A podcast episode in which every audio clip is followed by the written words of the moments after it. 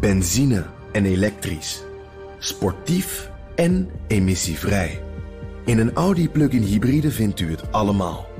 Ervaar de A6, Q5, Q7 en Q8 standaard met quattro vierwielaandrijving. Wat u ook zoekt, u vindt het in een Audi. Audi. Voorsprong door techniek. Vergeet even de brexit, de vluchtelingen, Catalonië. In dit jaar gaat het in de eerste plaats om geld. Of om precies, of precies zijn de Europese meerjarenbegroting van na 2020. Want er zit een enorm gat in die begroting. Europa-verslaggever Jesse Pinster. Laten we beginnen met dat gat in de begroting. Hoe komt dat? Ja, dan moeten we toch de brexit er een beetje bij betrekken. Want uh, de Britten, ja, dat zijn een uh, netto betalers. Als je even de cijfers van, het zijn wel van 2015, Centraal Bureau voor de Statistiek. 11 miljard euro gaat wel het kanaal over, maar komt nooit meer terug in Groot-Brittannië. Dus nou, komt er bij die brexit, weet je, die moet dan in 2019 eindigen. Nou, dat gaat niet gebeuren. Dan komt er een overgangsperiode. Dan gaan ze ook nog steeds gewoon netjes blijven betalen. Maar Brussel heeft al gezegd, oudjaarsavond 2020.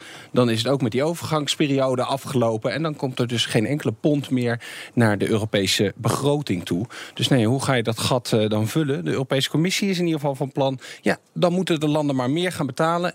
En dan gaan we ook wel bezuinigen. Dat, want ja, moet het een beetje van allebei de kanten komen. Nou, je merkt al dat uh, zeker de netto-betalers aan het warmlopen zijn... om uh, nou ja, deze oorlog uit te gaan vechten. Nederland is netto-betaler, dus wij betalen meer aan de EU... dan we er uh, mm -hmm. van terugkrijgen. Is Mark Rutte zich aan het, aan het voorbereiden op een harde strijd om geld. Ja, absoluut. Het, het, het kan geen toeval geweest zijn dat op nieuwjaarsdag zijn Oostenrijkse collega ontmoette uh, bij de opera in Wenen. Ze, Oostenrijk is ook een netto-betaler. En Koorts, de Oostenrijkse premier, liet na afloop ook op uh, Twitter weten van de brexit mag geen reden zijn dat wij meer moeten gaan betalen. En voor Nederland is dat probleem alleen maar groter dan voor Oostenrijk. Wij betalen zo'n 3,5 miljard zijn wij netto uh, betaler. En er komt dan nog een complicerende factor bij. We krijgen dan leuk een korting van 1 miljard. Omdat we al zoveel bijdragen. Dat heeft Thatcher ooit in de jaren 80, de Britse premier, voor elkaar gekregen. Nou, uh, in Brussel denken ze, daar moeten we dan met die brexit ook maar gelijk vanaf. Dus ja, Nederland is daar druk mee bezig. Dus we raken onze korting kwijt. Ook nog. Hoe groot is die Europese begroting eigenlijk? En waarom heeft de EU überhaupt een budget nodig? Nou, ze hebben hem vastgesteld voor 2018. 160 miljard euro. En ja, het meeste geld gaat nog steeds naar landbouwsubsidies. Was uit 70 procent inmiddels is dat uh, zo rond de 40 procent. Uh, er wordt ook gesproken over om dat te gaan hervormen. Om misschien ook dat gat een beetje te kunnen maar dichten. Ja, wat boeren straks, zijn toch uh, gewoon ondernemers? Ja, nou ja, ja, daarom. Dus de, daar wordt wel ja, toch steeds langzaam wordt daar een beetje anders over uh, gedacht. Maar ja, het is toch moeilijk om iets wat je heel lang hebt gekregen ineens in te gaan trekken.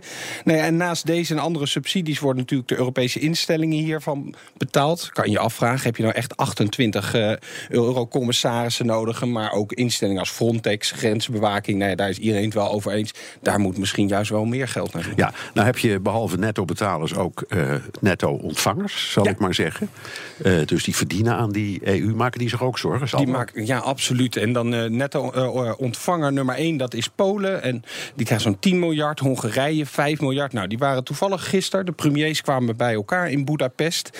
En nou ja, die, die lieten daar toch weten van... wij willen echt wat te zeggen hebben in Europa. Want wij hebben ook een visie op de toekomst. En die visie is niet dat ze ineens geen geld meer gaan krijgen.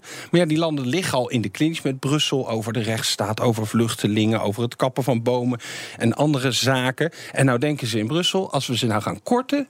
dan gaan zij zich aan de regels houden. En dat kunnen we allemaal doen via die begroting. Dus ja, het wordt echt een hele bloedige strijd, vrees ik, het komende jaar. Dankjewel, Europa-verslaggever Jesse Pinster. Benzine en elektrisch. Sportief en emissievrij. In een Audi plug-in hybride vindt u het allemaal. Ervaar de A6, Q5, Q7 en Q8 standaard met quattro vierwielaandrijving. Wat u ook zoekt, u vindt het in een Audi. Audi. Voorsprong door techniek.